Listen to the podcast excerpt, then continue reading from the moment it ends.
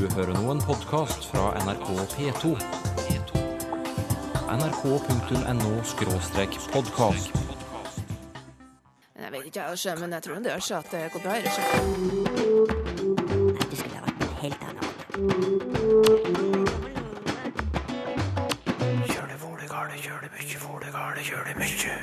Bruker du smilefjes i elektroniske brev? Ja, jeg vil nok si at uh, en skal være litt forsiktig med å bruke emotikon eller smilefjes i seriøse e-postbrev. Unge døve i Skandinavia kommuniserer med amerikansk tegnspråk. Jeg tror færre og færre øh, forstår de nordiske tegnspråk. Dessverre.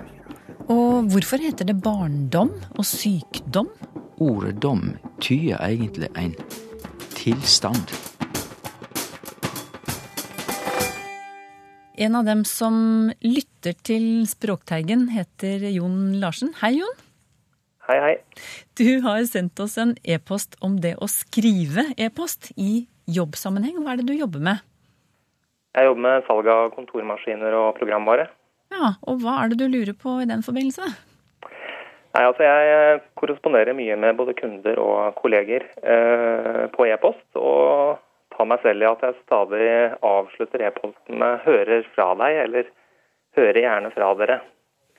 Og mitt spørsmål er da er det en ålreit måte å avslutte på? Fordi jeg ønsker egentlig ikke å høre fra dem, jeg ønsker jo å lese et, et svar. Mm. Hører fra dere, eller hører gjerne fra dere. Du, jeg har med en som kan gi deg noen råd. Aud Søyland er eh, medforfatter av en ny bok som heter Norske skriveregler, og der er det et kapittel om det å skrive på skjerm, f.eks.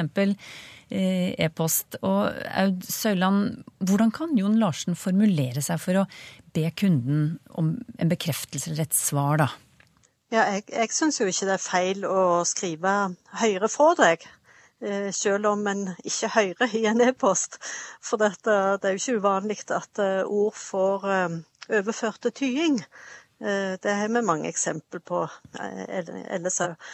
Men hvis du sjøl føler at det ikke er helt rett, så er det jo mange andre måter du kan formulere deg på. F.eks.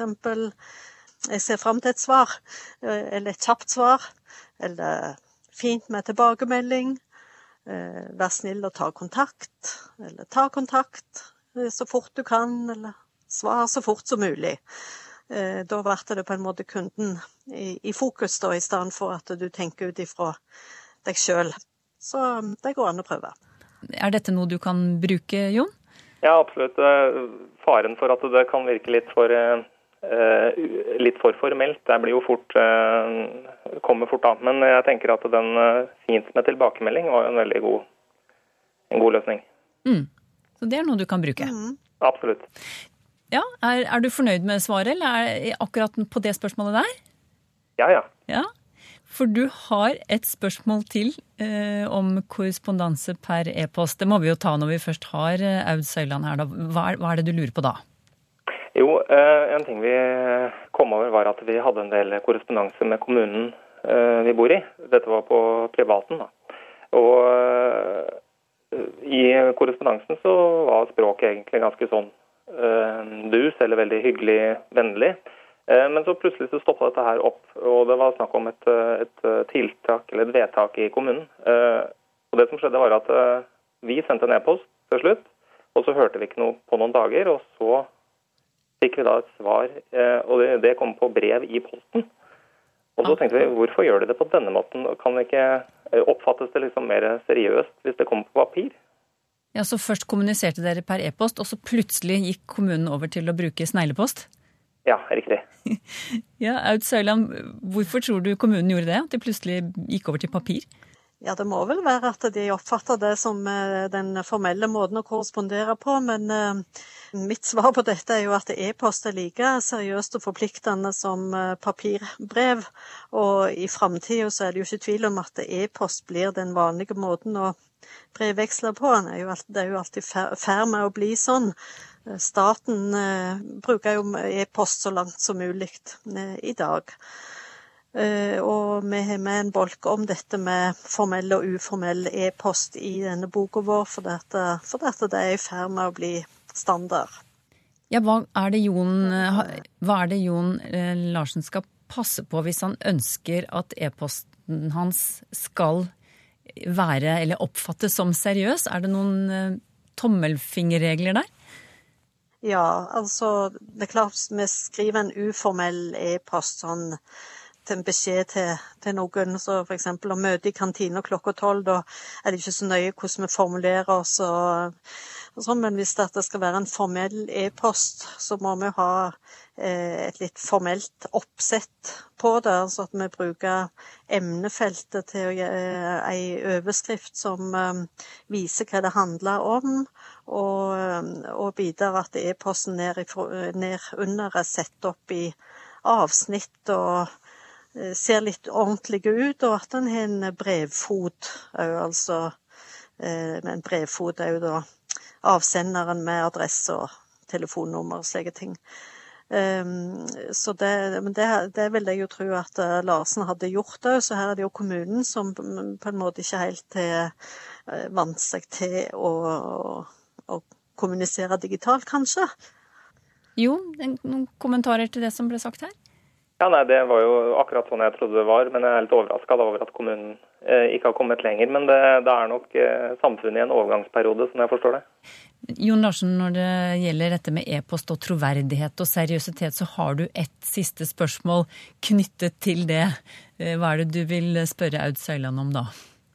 Jo, jeg lurer på om det går an å bruke det vi kaller smileys eller emoticons nå, da, eh, som Eh, som tegn og signaler i en e-post, og likevel opprettholde troverdighet og seriøsitet? Eh, ja, jeg vil nok si at uh, en skal være litt forsiktig med å bruke emotikon eller smilefjes i seriøse e-postbrev. Riktignok så har jeg lest at Oslo kommune nå er i ferd med å motta søknader og klager og alt mulig med emotikon i.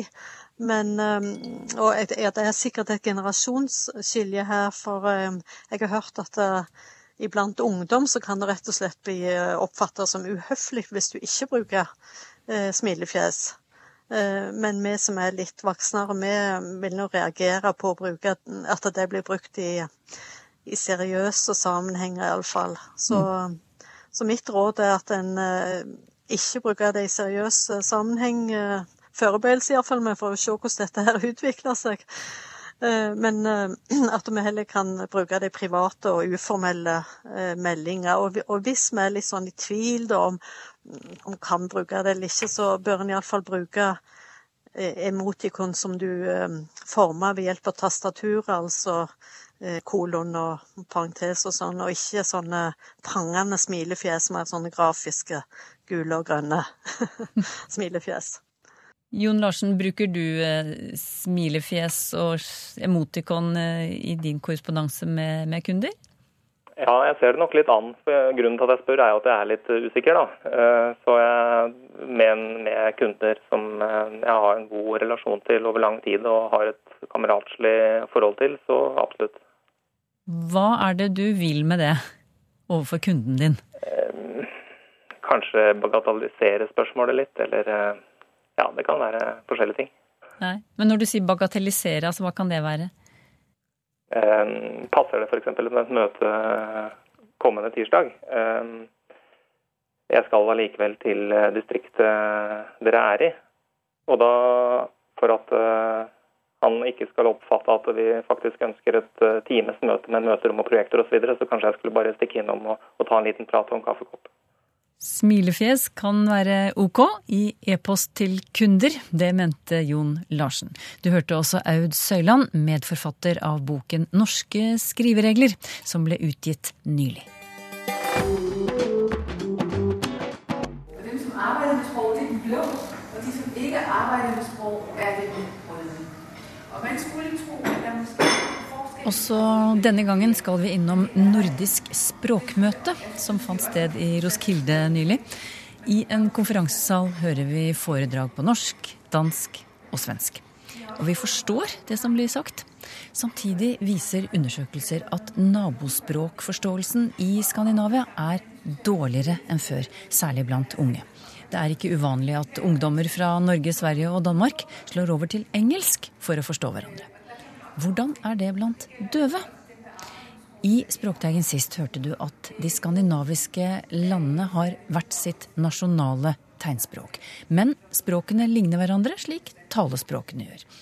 Allikevel er tendensen til dårligere nabospråkforståelse den samme som hos hørende. Ja, det tror jeg. Jeg tror færre og færre øh, forstår de nordiske tegnspråk. Dessverre.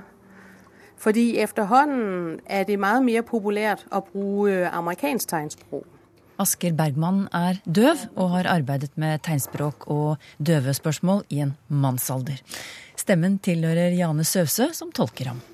Amerikansk tegnspråk er som øh, verdensspråket for døve, liksom engelsk er for jer. Så i hvert fall i den unge generasjon der kan man se at de bruker mer og mer amerikansk tegnspråk. Hvorfor har det blitt sånn? Jeg tror at det er blevet sånn fordi vi har verdens eneste universitet for døve i Washington DC. Og der er mange døve øh, der har vært der eller kommer der på universitetet, og der lærer de jo så amerikansk tegnspråk. Og så er det jo også sånn at i de sosiale medier, internett, der er jo mange videoer, mange videoklipp. Og der er jo mange døve i hele verden der bruker amerikansk tegnspråk. Så derfor er det blitt det dominerende på det internasjonale plan. Så langt Asker Bergman. Og vi får et sceneskifte her ute på gressplenen. Ja, ja. Rent praktisk, så om Norge svarer, så kommer du hit. Om Danmark svarer, så kommer du hit. Ja?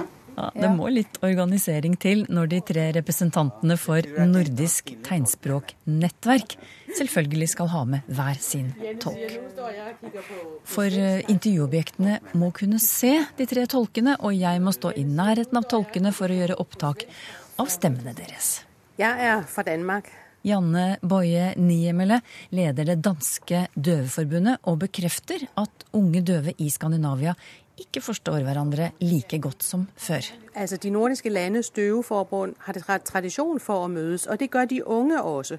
Så det betyr at øh, når vi er sammen samme sted øh, med hver vores møter, så kan man se øh, tegnspråkene er forskjellige blant oss og blant de unge. Vi, såkalte eldre, vi prøver virkelig å kommunikere med øh, norsk, svensk og dansk tegnspråk, med hinandens tegnspråk altså, sammen. Men hvis vi så ser på gruppen av unge og deres møde, så snakker de ikke så mye deres nasjonale tegnspråk. Så bruker de mer amerikansk tegnspråk i deres kommunikasjon, altså mer engelsk. Så to møter ved siden av hverandre, vidt forskjellige. Men sånn er det nå i dag. Ja, og jeg tenker også på at eh, det handler jo litt om status, dette her, i forhold til at ungdommen i dag de reiser mye. Um, og da blir det på en måte mer naturlig for dem da, å bruke det amerikanske tegnspråket. Vi eldre, vi ja, vi har vårt, eh, det har vært sånn alltid for at vi bruker det språket hos oss. Sier Sonja Myhre Holten via tolken sin. Svenske Thomas Hedberg peker også på at døve unge er mer språkkyndige i dag. Eh, fikk aldri lære meg amerikansk tegnspråk teckenspråk som ung. Eh, Medan dagens i dag, når de går i skolen, de får lære seg eh, andra teckenspråk som brittiskt teckenspråk eller amerikanskt teckenspråk. Vi får ju lära oss hela tiden att eh, anpassa oss när vi umgås med döva från de nordiska länderna. Men eh, döva ungdomar idag, de har inte samma möjligheter. Men jeg tenker også døve i Norden de har jo hatt eh, døvefestivaler og flere møtepunkter eh, opp gjennom årene. Eh, og disse møteplassene driver jo også og forsvinner nå. Ungdommer de har andre steder hvor de møtes mer internasjonalt. Det er riktig. Og øh, bare tenk på de sosiale medier. Det er så mange der opptar videoer på tegnspråk. Øh, og hvor er det norske, danske og svenske tegnspråk på alle de her videoer? Det ser vi ikke mye av. Jeg kan tillegge også at øh, døve ungdommer i dag de har jo større muligheter til å reise rundt om i verden. og och de träffar många olika teckenspråk. Men da då när jag var ung så reste vi bara innom Skandinavien och fick bara lära oss då den skandinaviska teckenspråken. Ja, Det er veldig viktig at vi prøver å bevare våre egne språk. Eh, De skandinaviske språkene, at de som, de som vi har hatt i alle år, at vi prøver å bevare dem. Men hvordan sørge for at de skandinaviske tegnspråkene blir førstevalget når unge døve i Norden møtes? Nu er vi jo netop her øh, i vores tegnsprogsnetværk øh, og er sammen, og jeg tror fremover, at vi vil være mere opmærksomme. Og jeg tror, at øh, vi vil gøre en indsats øh, på forskellig vis øh, for at, at bevare de enkelte tegnsprog i Norden. Så er det jo. Så att, eh, vi et møte her i igår där vi diskuterade hur vi ska försöka att lösa situationen så att vi kan förstå varandra inom de nordiska länderna. Så att vi försöker nu att titta på om det finns att starta et projekt eh, där vi ska få ungdomar i de nordiska länderna att förstå att det finns olika teckenspråk i Norden. Eh, på samma sätt som man gör med hörande och att de har läroplanen där det står att man ska känna till de olika nordiska talade språken. Døve skoleelever i Norden bør få nordiske tegnspråk inn på timeplanen, foreslo Thomas Hedberg fra det svenske Språkrådet. Han er i Nordisk tegnspråknettverk sammen med Sonja Myhre Holten i Norsk språkråd, og Janne Boje Niemele, leder for det danske Døveforbundet. De tre skandinaviske tolkene var Mariann Eidberg, Jane Søvse og Janne Lundberg blir kveld, og så blir det morgenkveld, og så blir det enda en kveld hvis ikke jeg blir klein. Takk for alle lytterspørsmål, både på Facebook, Twitter, i brev eller per e-post, som Geir Lundekvam har benyttet seg av. Han er lærer, forteller han, og en av elevene spurte hva suffikset eller endelsen dom kommer av, som i barndom, kristendom, sykdom osv. Hva kan du si om det, Sylfe Slåmheim? Svaret er artig nok veldig kort. Ordet dom i sjukdom og kristendom og alderdom er egentlig det samme ordet som er det sentrale i ei rettssak, at det blir avsagt dom. For ordet dom tyder egentlig ein tilstand, noe du er i. Og er du kristen, så er du en tilstand Kristendom er ein tilstand av å være kristen. Barndom er en tilstand av å være barn, og hvis du blir dømt og får en dom, så blir det sagt at da skal du være i en bestemt tilstand. Slik blir det for deg nå. Julianne Yang eh, har et spørsmål om det etymologiske opphavet til ordet fy på engelsk. Eh, altså fy som i avgift. Stemmer det at det engelske ordet fy stammer fra det gamle norske ordet fe, altså cattle på engelsk, spør hun. Det stammer ikke fra ordet fe på gammelnorsk, men for å ta konklusjonen straks, det er samme ord. Og da må vi ta en liten runde, fordi at det engelske fi, altså FEE, e, som tyder avgift, det har engelsk lånt, ikke overraskende, fra fransk, der det blir skrevet FIE. Og det franske ordet fi, det er også i slekt med et annet fransk ord, fjeff, som er et avgiftsregime i føydal tid, og ordet føydal er faktisk i slekt med fi. Så dette er jo eh, avgifter eh, der en adelig person eh, tok inn penger fra de som var underordna og ikke hadde så mye penger. Og dette franske ordet, det kjem fra germansk. Det germanske ordet, som tyder da i opphavet kveg, altså eh, stor fe, og er samme ordet som det norske ordet fe, men det kjem jo ikke fra norsk til fransk, det er fra germansk det har kommet inn i fransk, og dette er et germansk fellesord.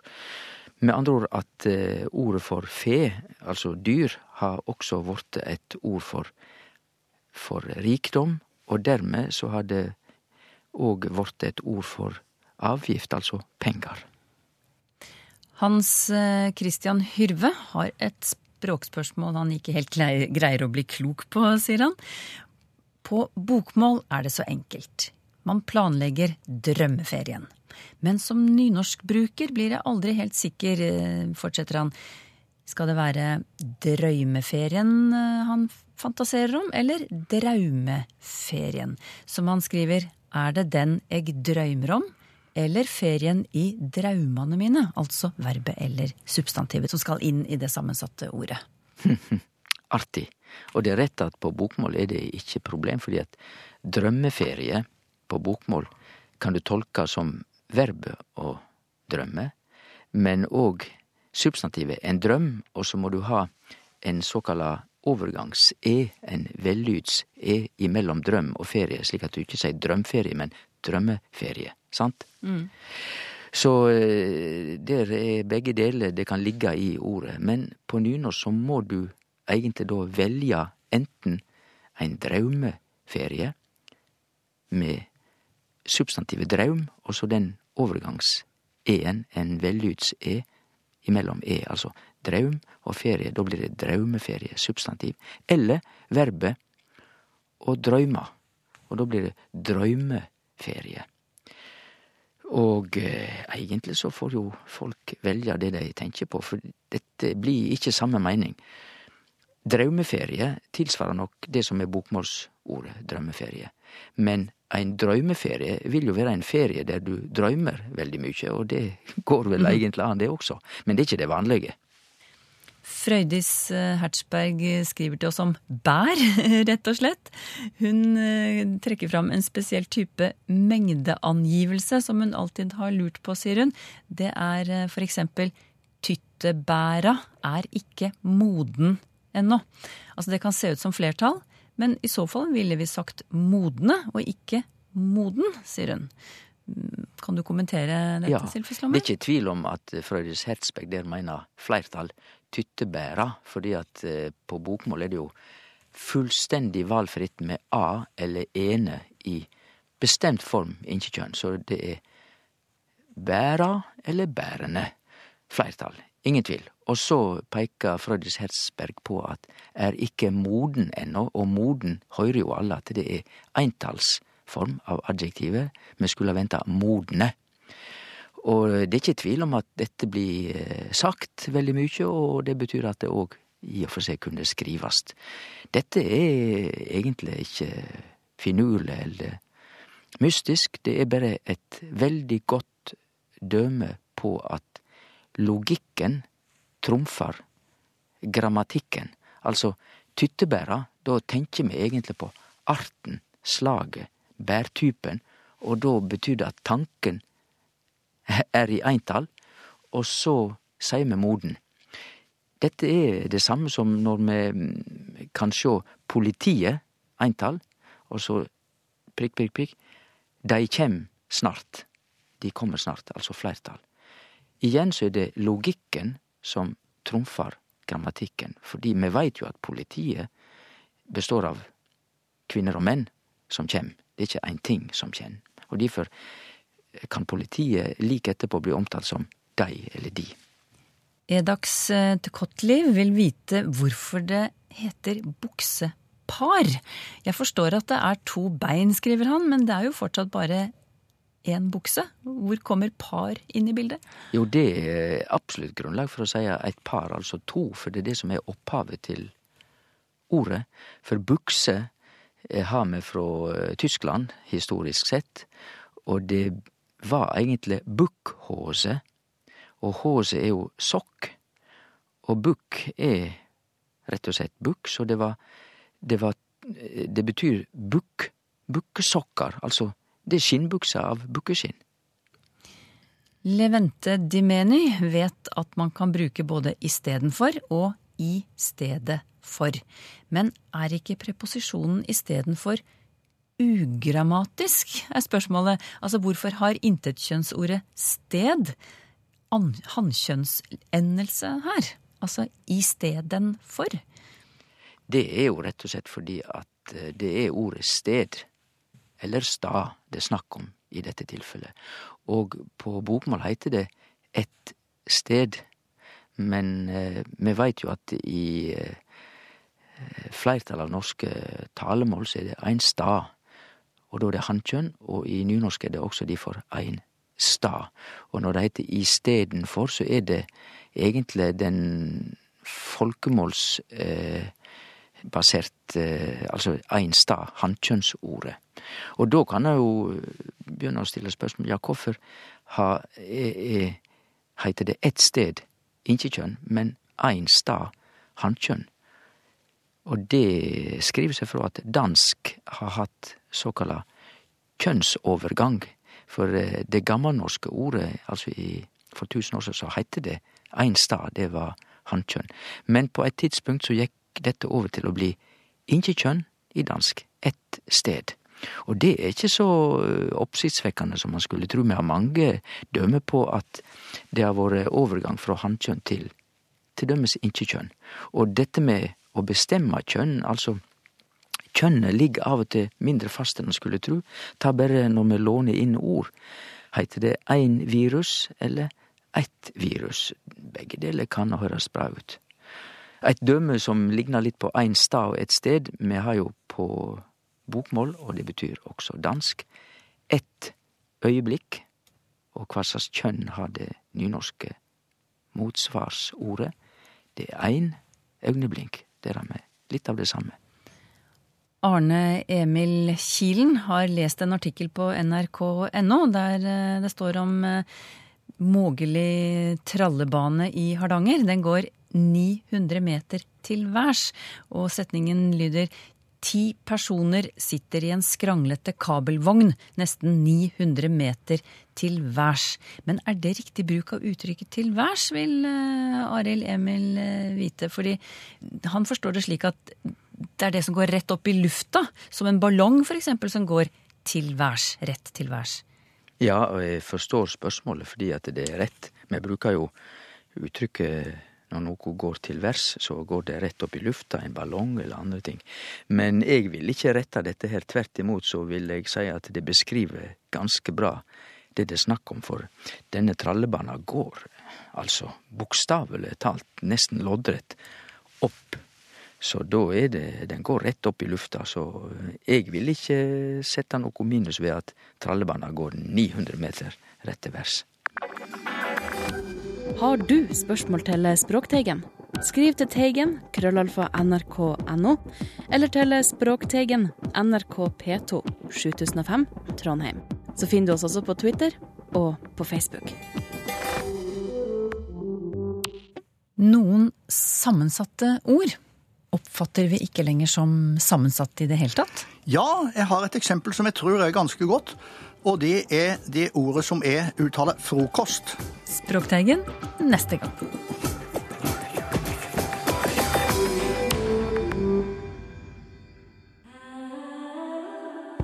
nrk.no podkast.